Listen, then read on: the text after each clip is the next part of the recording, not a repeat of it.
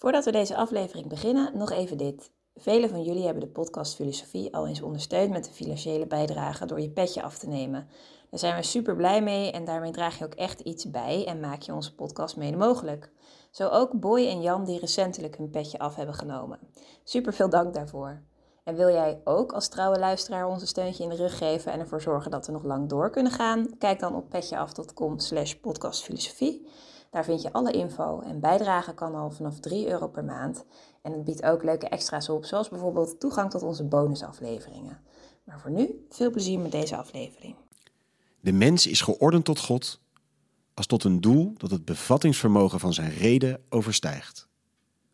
Op deze manier drukte de middeleeuwse filosoof Thomas van Aquino uit dat theologie en filosofie nodig zijn om de vraag naar de bestemming van de mens te beantwoorden. Op welke manier verbond Thomas Griekse en Arabische filosofie en theologie? Waarom zette hij zich af tegen scheiding van lichaam en ziel en van het aardse en het hemelse? En hoe laat hij zien dat de vraag naar God niet alleen een theologische, maar ook een filosofische vraag is? Over deze vraag en nog veel meer gaan we de komende drie kwartier hebben. De gast is Rudy de Velde, de denker die centraal staat, Thomas van Aquino.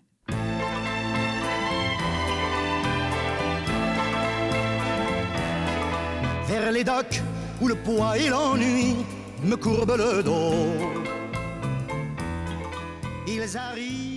Dag, goed dat je weer luistert naar een nieuwe aflevering van de podcast Filosofie van het Centre Erasme, School voor Filosofie in Zuid-Frankrijk, Vlaanderen en Nederland. Mijn naam is Allard Amelink.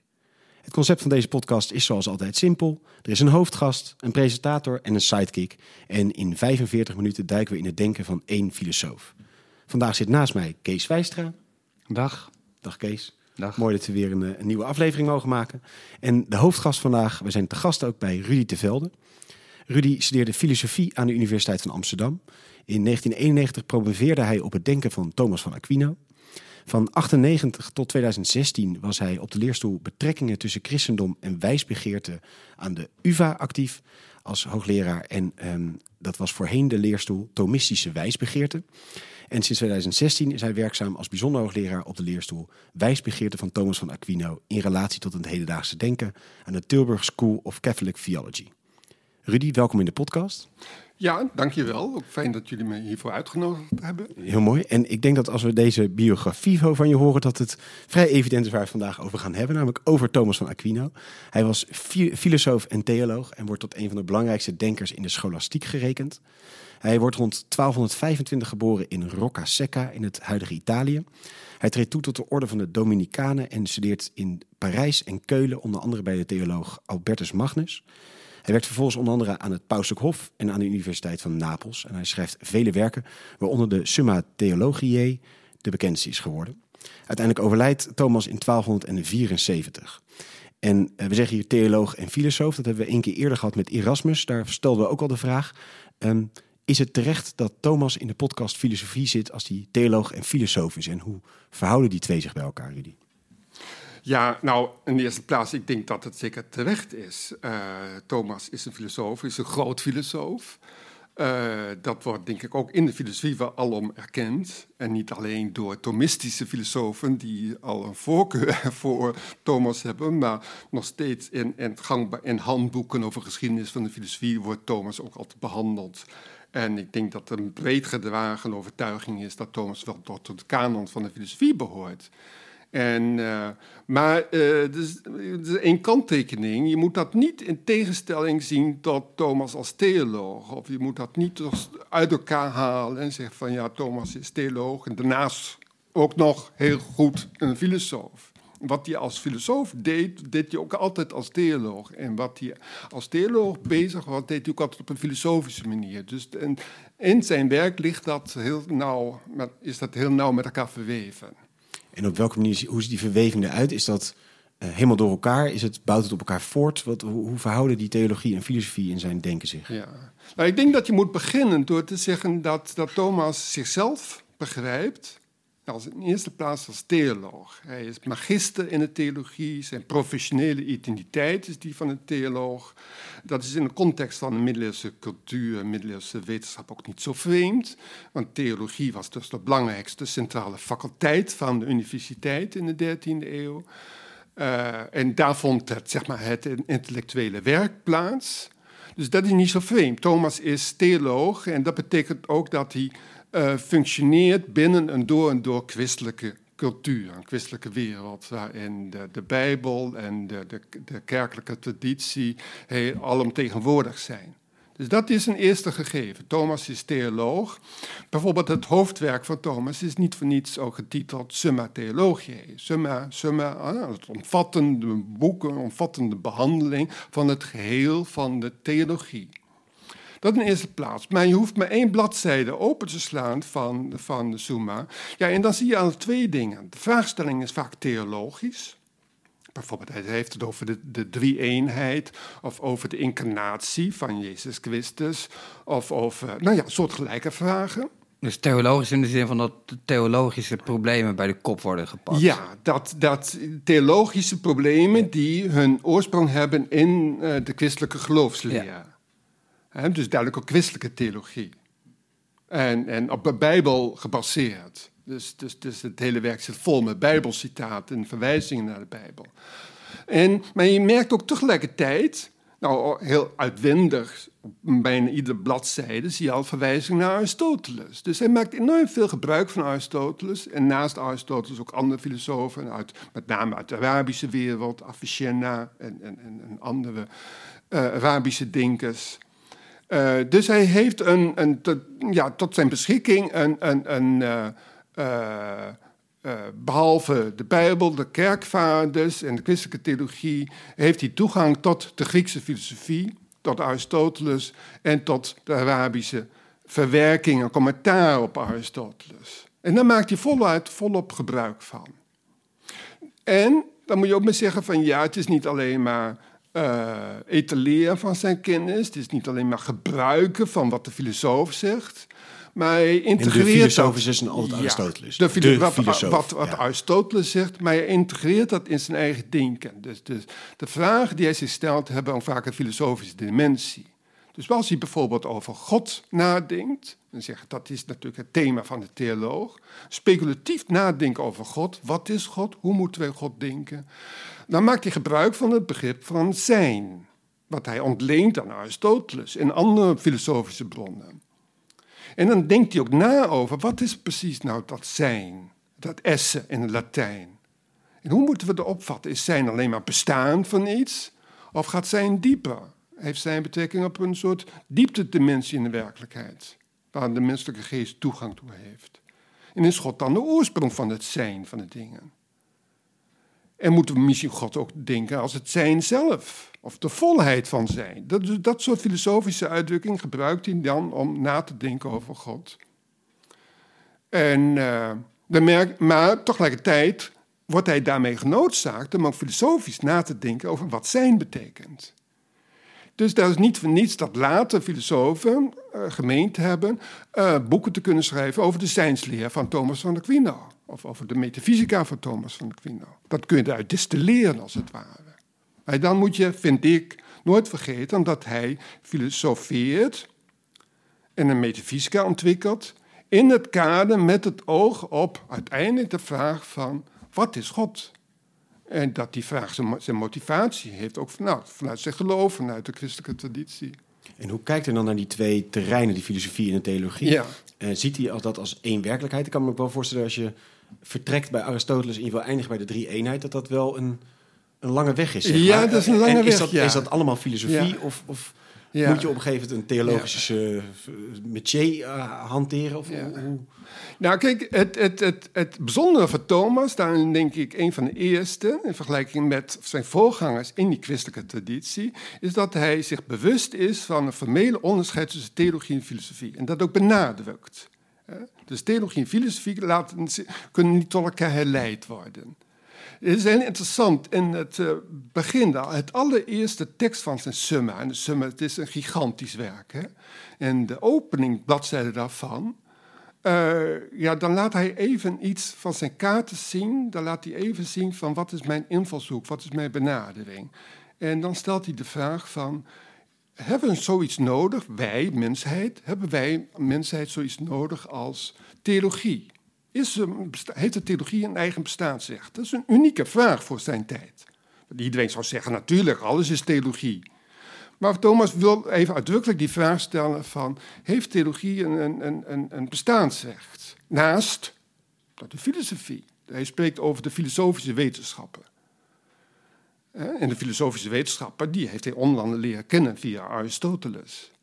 En Aristoteles is tamelijk omvattend. Dus niet alleen de biologie, niet alleen de psychologie, niet alleen de ethiek of de fysica, de metafysica, de politica, noem maar op, logica. Dit, dit, het hele domein van het menselijke weten wordt door Aristoteles wel min of meer omvat. Dus je zou kunnen denken in de 13e eeuw, toen een tijd waarin Aristoteles bekend werd en gelezen werd aan de universiteiten, bestudeerd werd, met Aristoteles hebben we wel genoeg. Met Aristoteles kunnen we, ja, kunnen we wel als mens gelukkig worden en kunnen we ook wel de zin van het bestaan vinden. En uh, uh, met Ja, de wat moet je dan filosofie- nog met die hele theologie? wat moet je Ja. nog met de theologie? Dus dat is een hele interessante vraagstelling, vind ik. Want dan betekent dus dat de filosofie, dat de theologie zich moet rechtvaardigen tegenover eh, de filosofie. En dan begint hij die tekst heel met een klinkende zin van de mens is geordend tot God als tot een doel dat zijn bevattingsvermogen van reden overstijgt. Dus tot God als een mysterie. Dat bewijst hij niet. Dat, dat wordt als daar gewoon geponeerd. Dat is niet, eh, en dat in zekere zin zijn allereerste begin. Dat is zijn allereerste overtuiging. Of zijn allereerste van, van, als we over de mens nadenken, moeten we de mens in relatie tot God denken. En God is een mysterie. En als je nadenkt over de zin van het bestaan, dat is natuurlijk een hedendaagse uitdrukking, maar als je nadenkt over de zin van het bestaan, dan, eh, dan heeft dat iets met God te maken, maar heeft het ook iets te maken met God als transcendentie, als degene wat, wat de, de, de reden overstijgt. De gebruikt hij het woordje reden. Maar woordje reden is voor hem synoniem met grondslag van filosofie. Dus met andere woorden, hij zegt daar ook mee van de mens is geordend tot God op een manier eh, dat de filosofie, de mogelijkheden van de filosofie ook enigszins overstijgt. Want alle filosofie, alle menselijk weten gaat uit of is gebaseerd op de ratio naturalis, de natuurlijke reden van de mens. Zo'n begrip wat hij dan ontleend heeft aan Aristoteles.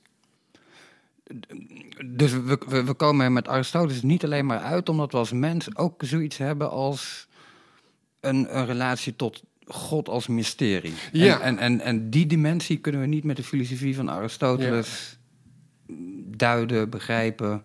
Eh, Is dat, is dat wat... wat Dat zegt hij in zekere zin. Kijk, wat hij probeert te doen is, hij weet wel van, van theologie hangt af van geloof.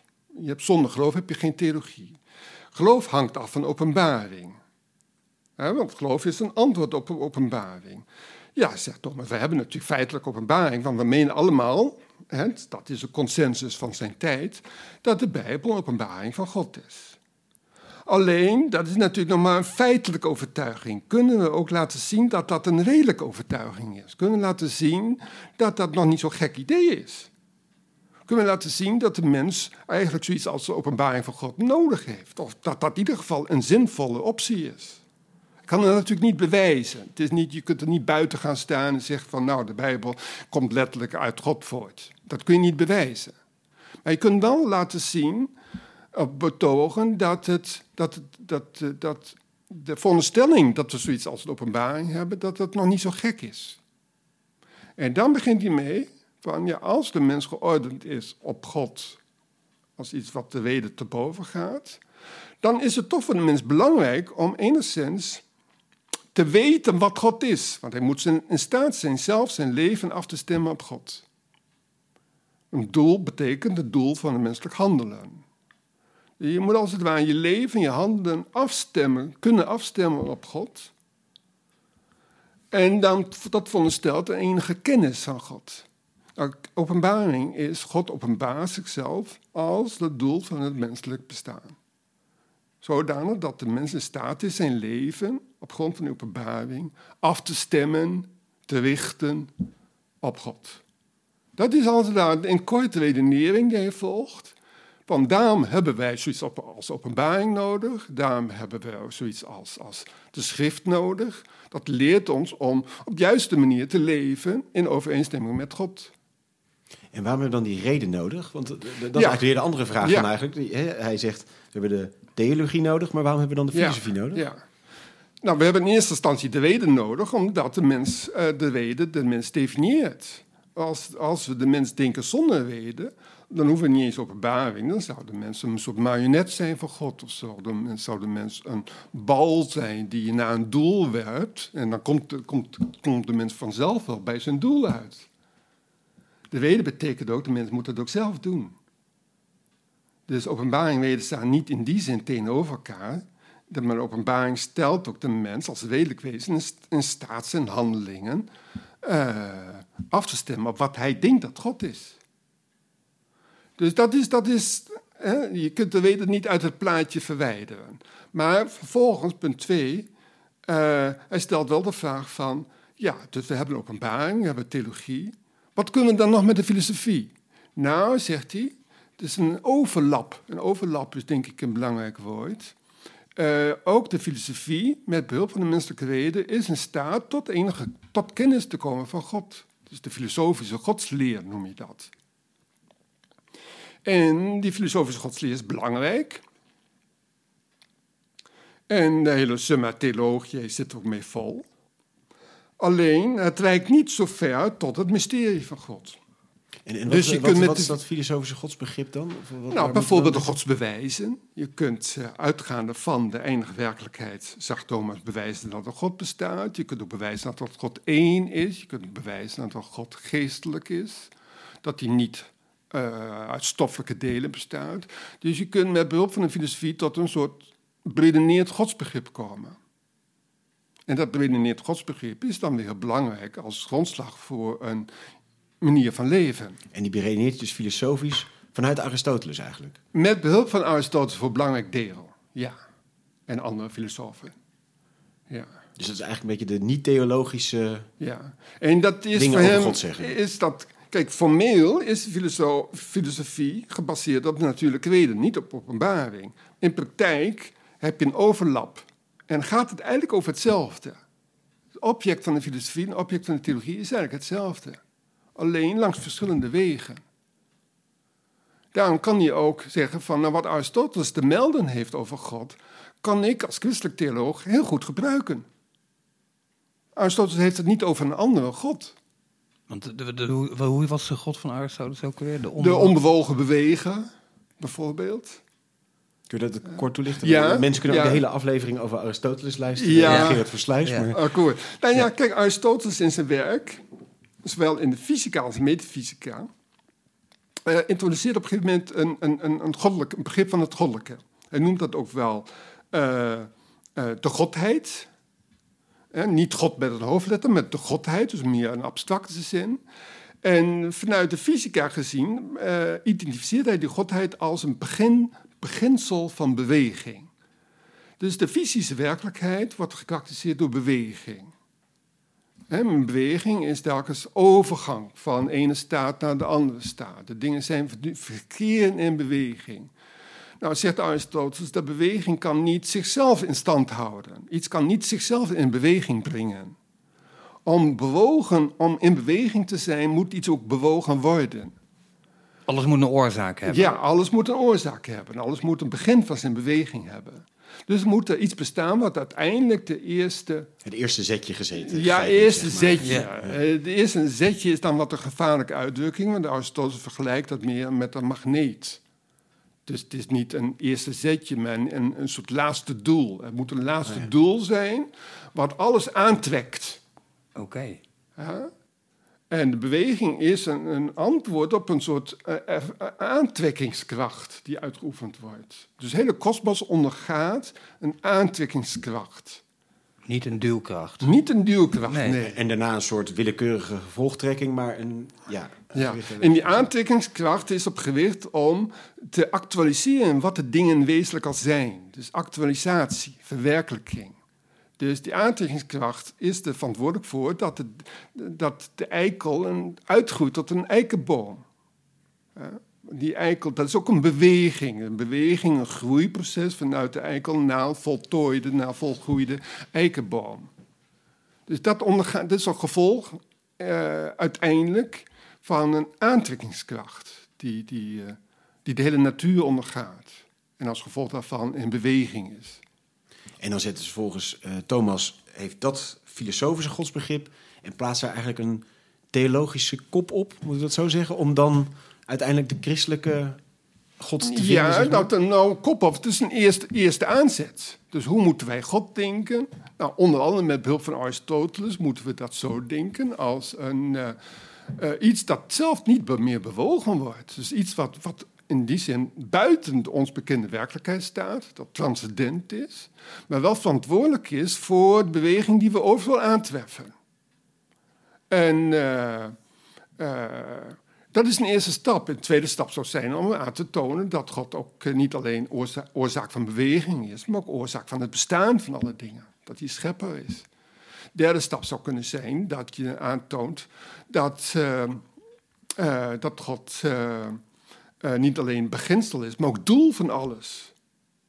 En dan komt de vraag van, het christendom leert over een drie-ene God, hè? Vader, Zoon, Heilige Geest. Ja, dat zegt Aristoteles niet.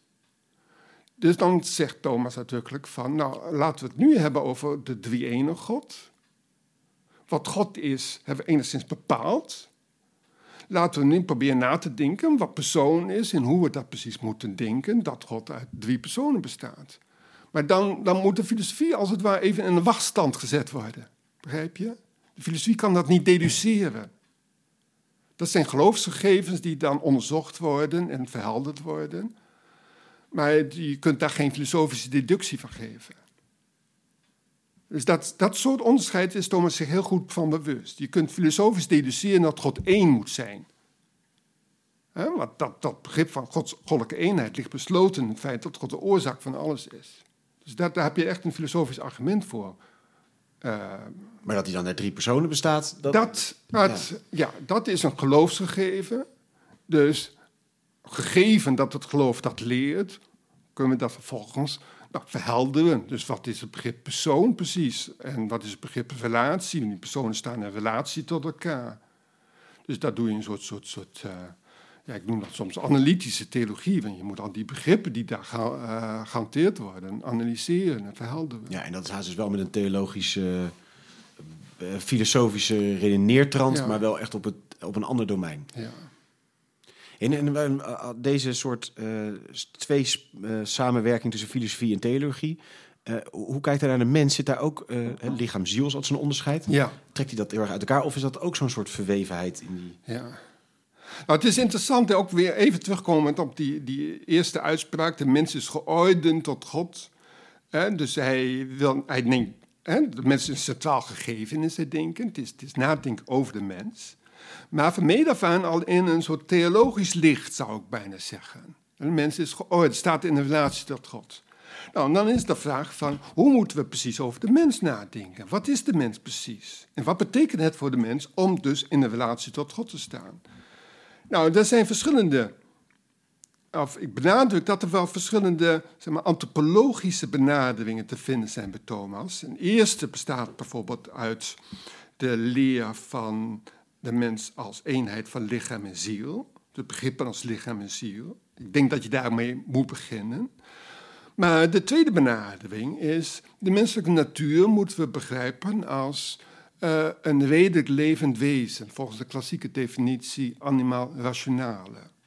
Die ook bij Aristoteles terugkomt. Ja, die ook bij. Hè? Maar dat is weer een, een iets andere benadering. En een derde benadering zou zijn eh, eh, de menselijke natuur en vrijheid. De mens is een eenheid van natuur en vrijheid. Dat is ook een. Dus dat de is natuur een- ligt alles vast en Ja, vrijheid... ja. eh, ja. Natuur is over het algemeen gedetermineerd. Maar de menselijke natuur is als het ware, de- treedt die dem- determinatie meer op de achtergrond. Komt de vrijheid naar voren.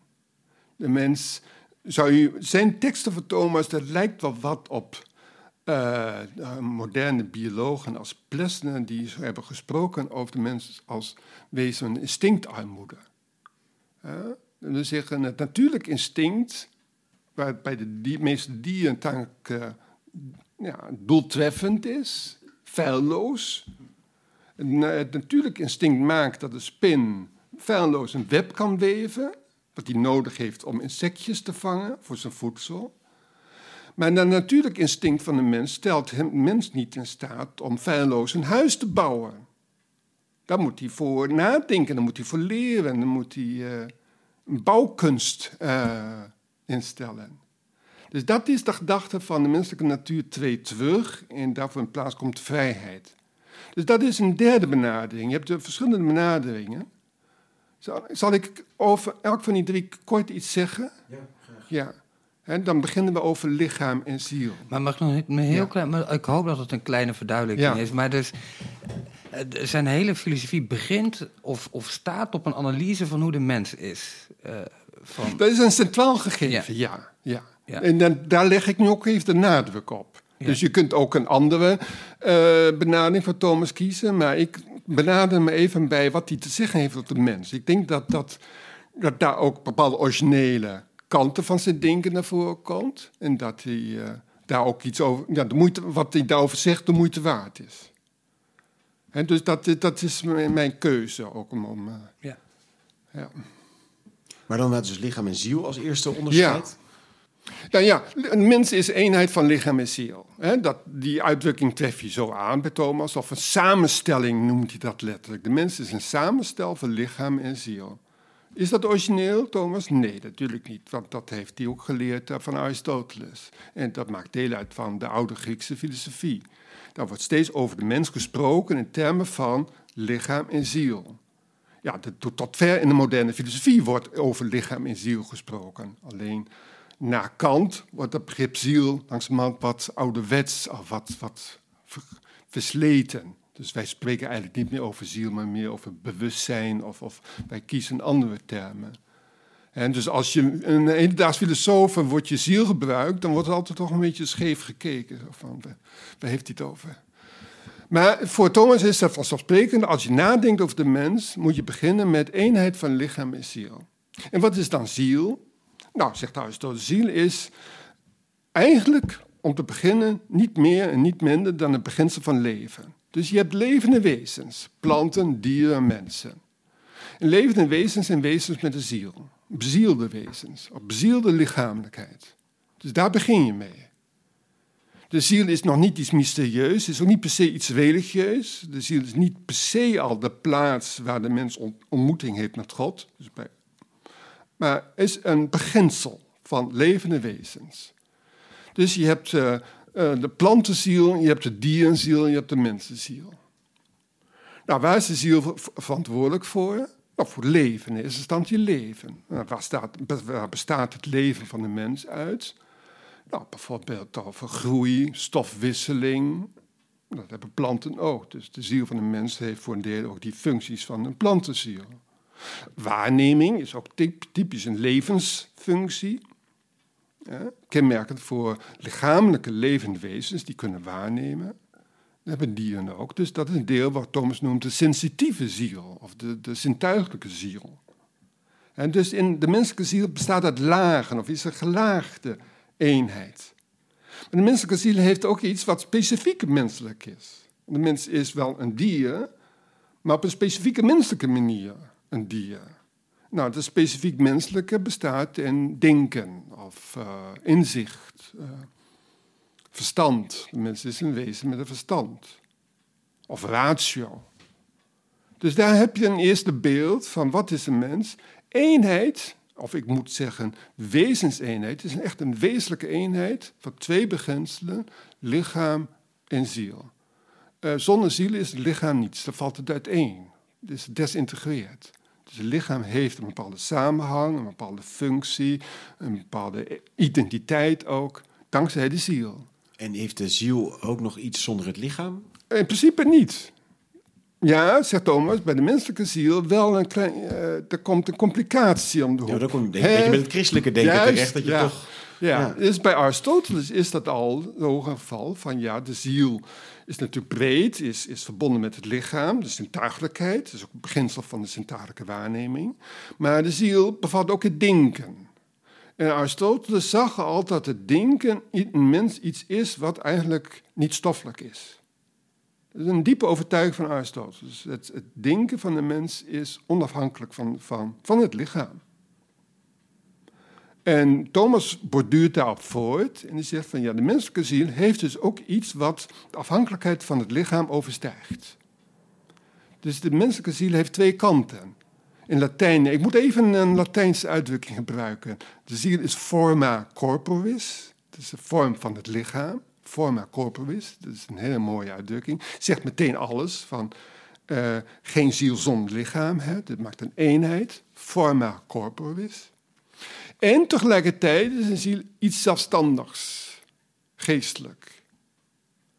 En dat geestelijke van de ziel ligt dan precies met name in de vermogens van verstand en wil. Dat zijn de twee geestelijke vermogens. Het verstand is gericht op het ware, waarheid. En de wil is gericht op het goede.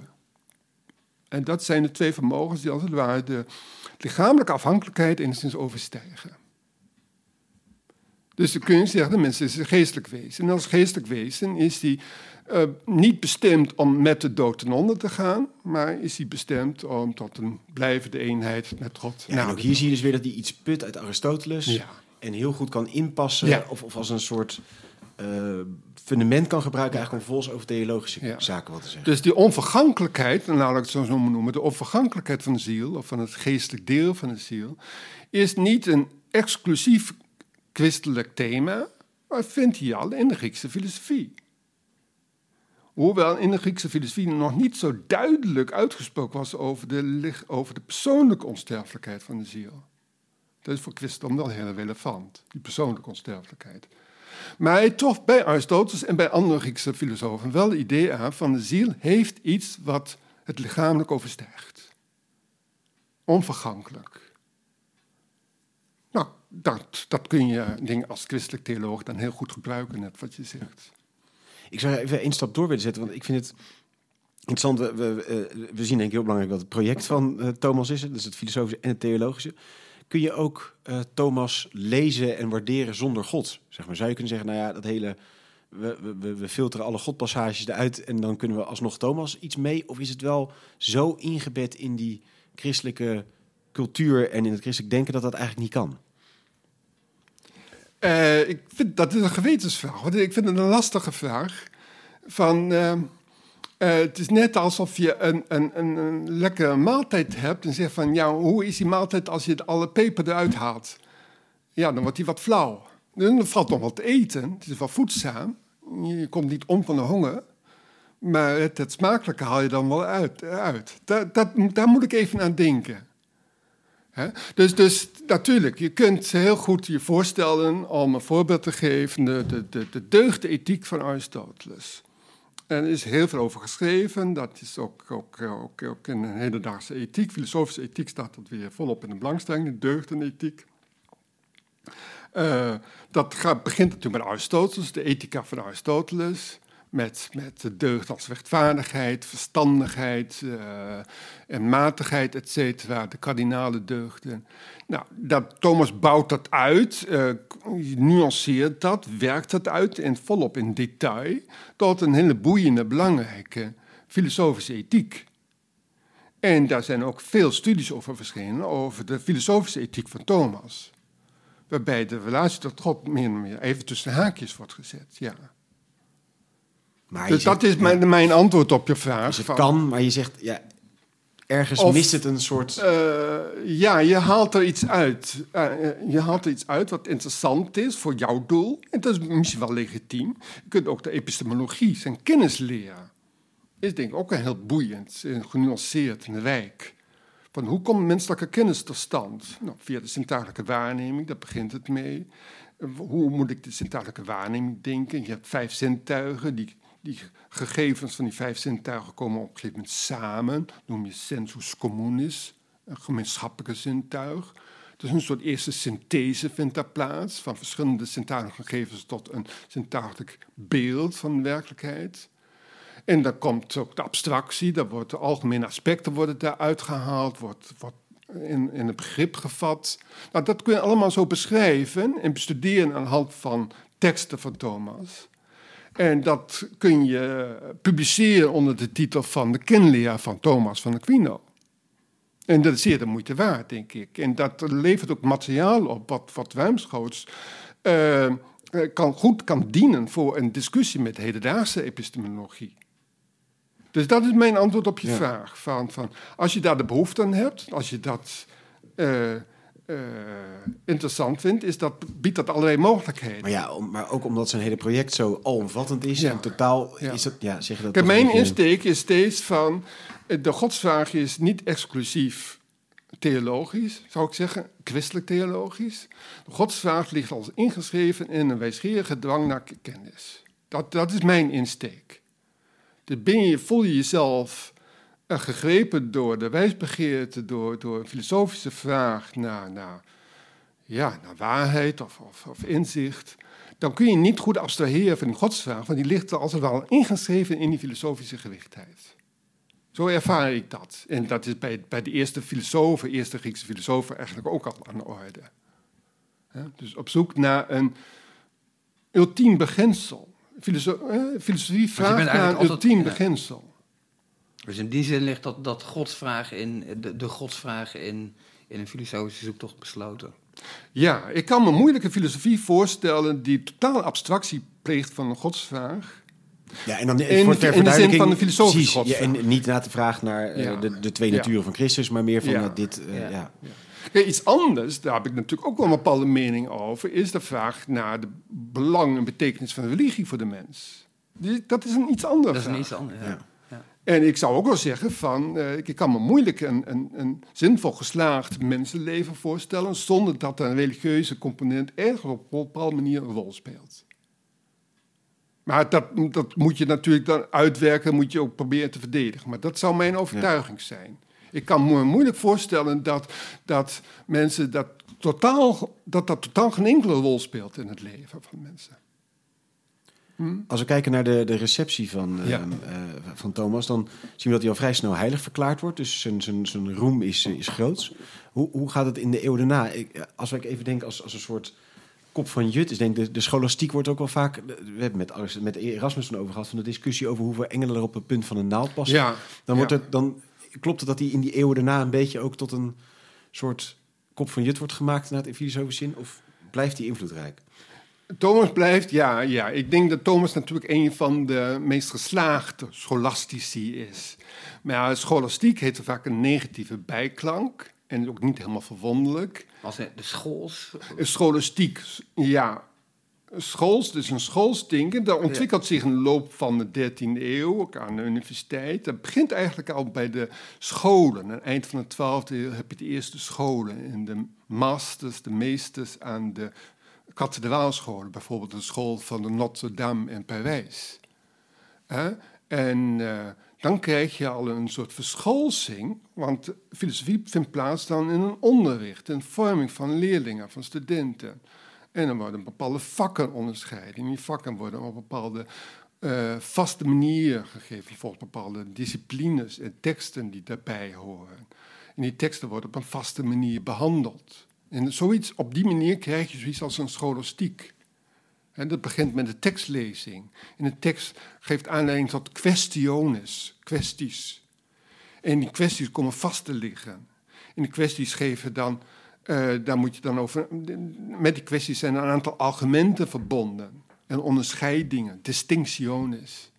En zo ontstaat een scholastiek systeem van, van begrippen, onderscheidingen, eh, methodes, die, eh, die eh, een figuur als Thomas en tijdgenoten van Thomas enorm veel vrijheid, enorm veel mogelijkheden geven, maar ook eh, bij sommigen, met name in de 14e eeuw, leidde tot een, een, een verstarving van het denken. Tot een verscholsing in de zin van een verstarving. En, en dan worden de authentieke vragen kunnen dan niet meer gesteld Dus worden. eigenlijk inderdaad toch wat, wat eh, onderzoekendere karakter Ja, van, van, ja. van Thomas gaat daar een beetje mee. Ja, dan krijg je een figuur als Luther, Maarten Luther. Die is ook een product, denk ik, van de middeleeuwse, laat-middeleeuwse scholastiek. Nou, die had behoefte om zich daarvan los te maken, van te bevrijden. Erasmus ook. Ja, dus het wordt er tot een keurslijf. Een keurslijf, ja. tot een, een dode manier, doodse, verstaarde manier van denken. En komt Thomas nog wel terug? Of, of... Eh, Thomas komt terug. Hij wordt in het begin van halve eeuw na zijn dood, begin van de 14e eeuw, wordt hij het heilig verklaard. Dat is natuurlijk een belangrijke stap voor zijn werk. Want dat betekent dat zijn werk meer aandacht krijgt, meer, ook binnen de orde van de Dominicanen bestudeerd blijft. Eh, als ik nou een stap verder ga naar de Reformatie en de katholieke reactie op de Reformatie, dus dat is 16e eeuw, een concilie van Twente. Concilie van Twente is de, eh, de, de, de, de tegenreformatie, hè? de, de, anti, eh, de, ja, de tegenreformatie, de- een antwoord van de katholieke kerk op de reformatie van Luther en consorten. En dan wordt Thomas op, ja, op, op het zadel gehezen. En de Summa Theologiae wordt dan als een soort verplicht handboek in de theologie eh, gepromoveerd. Dus dat is belangrijk. Maar nog belangrijker misschien, en dan moet ik weer een paar eeuwen overslaan. Eh, want eh, je moet toch dingen erkennen dat de katholieke kerk gedurende de moderne tijd, 17e, 18e eeuw, wat uh, zich, zich uh, wat teruggetrokken heeft uit de filosofische cultuur. En daar zich niet zo uitdrukkelijk op gemanifesteerd heeft. En dat dat in de 19e eeuw toch weer anders wordt. Dan ontstaat er weer een katholieke behoefte om uitdrukkelijk een eigen filosofische identiteit zich toe te meten. Waarmee ze een gesprek kan aangaan met de moderne tijd. Met de moderne wereld van de wetenschap. En met het positivisme en de moderne idealistische filosofie. Want de filosofie tot dan toe was eigenlijk vooral een protestants Ja, feestje. ja.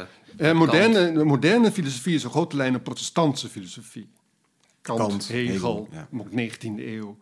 Dus maar in eh, eh, grote katholieke filosofen zijn er eigenlijk niet. Alleen in de marge, Michel Pascal, maar dat noem je ook niet echt een, een filosoof. En is ook buitengewoon kritisch katholiek. Dus dat, Ja, ja. Dus, dus dan heb je einde van de 19e eeuw, 1870, 1879 om precies te zijn. Ik ben altijd slecht in jaartallen, maar dat is een belangrijk jaartal. Dan heb je een paus in Rome, Leo XIII. En die, eh, die vindt het heel belangrijk dat het hele eh, katholieke theologische onderwijs gerevitaliseerd wordt. En dat Thomas daar, moet daar een belangrijke rol in spelen. Dus hij probeert Thomas te rehabiliteren en aan te bevelen als eh, ja, de theologische leidraad voor de, voor de, voor de studie. En dan heb je een encycliek, uh, Aeterni Patris, heb je dan... En dat is het begin van een opleving van het denken van Thomas. Dat noem je uh, neotomisme. Neotomisme is een belangrijke stroming met verschillende fasen, verschillende richtingen ook weer in de 20e eeuw geweest. Dus je hebt een begin van de 20e eeuw neotomisme, ook in Nederland. Vanuit uh, Leuven werd dat ook in Nederland verbreid. En na de Tweede Wereldoorlog is er nog steeds invloedrijk. Heb je hoogleraar uh, Thomistische wijsbegeerte in, in, in Tilburg. Of, of in, en is Amsterdam nog? Amsterdam, ja, Nijmegen, ja, Nijmegen. Maar in de loop van de jaren 60 is dat helemaal in elkaar gezakt. Hey, en wat je, je zegt wel, het zijn allemaal katholieken die Thomas waarderen. Dus het is wel altijd ja. echt binnen het schooltje, uh, binnen ja. de, de categorie, zeg maar. Uh, het schooltje, inderdaad, zeg ik nu vanzelf. Ja. Maar um, op buiten katholieke traditie, welke dingen zou daar van Thomisme relevant kunnen zijn? Of van het denken van Thomas van Aquino? Uh, je zei ja, al een beetje zijn kenleer zouden we kunnen gebruiken. Je zou zijn ethiek kunnen gebruiken. Wat, wat? Kijk, je moet toch denk ik feitelijk constateren dat de filo hedendaagse filosofische belangstelling in het verlengde van het Thomisme, neotomisme, dan nog vooral uh, bestaat onder katholieken. En dat Thomas nog wel de, de, de, de, naam heeft van een soort katholieke huisfilosofie. Uh, Eh, tegelijkertijd, die mensen die zich met Thomas bezighouden, zullen voortdurend benadrukken het belang van een onderscheid tussen theologie en filosofie. En dat zij bijvoorbeeld zuiver filosofisch Thomas bestuderen en ook om die gronden beoordeeld willen worden. Eh, dus dan een beetje het dubbelzinnige. Er zit iets ambigus in. Thomas blijft natuurlijk, eh, de, de, de naam van een katholiek denken blijft aan Thomas kleven. En dat wil je ook niet afhalen. Maar dat geeft wel een bepaalde uh, bij niet-katholieke filosofen. En die zeggen van ja, Thomas, dat is toch allemaal met echt katholiek. En tegenwoordig uh, uh, roept dat ook een soort terughoudende ja, reactie op. Dat is, een ja, dat is gewoon een gegeven. Ja, dankjewel Rudy. Want het, het interessante, denk ik, daarmee zijn we een beetje terug bij denk ik, het begin van waar we mee begonnen. Is dat het boeiend is dat, dat Thomas van Aquino primair theoloog is. Theologische vragen stelt ook maar heel duidelijk de filosofie gebruikt als grond om die vragen te beantwoorden en ook eigenlijk die filosofie wel betrekt in zijn vragen. Dus we zien dat hij uh, nou, religieuze, christelijk-religieuze vragen stelt, maar bijvoorbeeld Aristoteles en Avicenna gebruikt om eigenlijk tot antwoorden van die vragen te kijken. En um, bijvoorbeeld heel veel over de mens nadenkt, maar wel altijd dan weer in theologisch perspectief. perspectief. Je ziet dat er dus een scheiding maakt die tussen dat filosofische en het theologische, die elk ook een eigen grond hebben. En de vraag die hij stelt van, hebben we theologie nog nodig als we Aristoteles al hebben en die de hele filosofie heeft. En wat hij dan zegt is, nou, de mens is van zichzelf uh, toch gericht op het goddelijke en God is een mysterie dat we ons kennen te boven gaat. Dus we hebben niet aan de reden genoeg, we moeten meer dan dat hebben. En dan zie je eigenlijk een beetje de redelijke kant en de, de gelovige kant, zeg maar, uh, die samenkomen. Uh, de geloofskant, het gericht zijn op God, waar, wat we kennen door de openbaring, wat het, het doel van de mens is.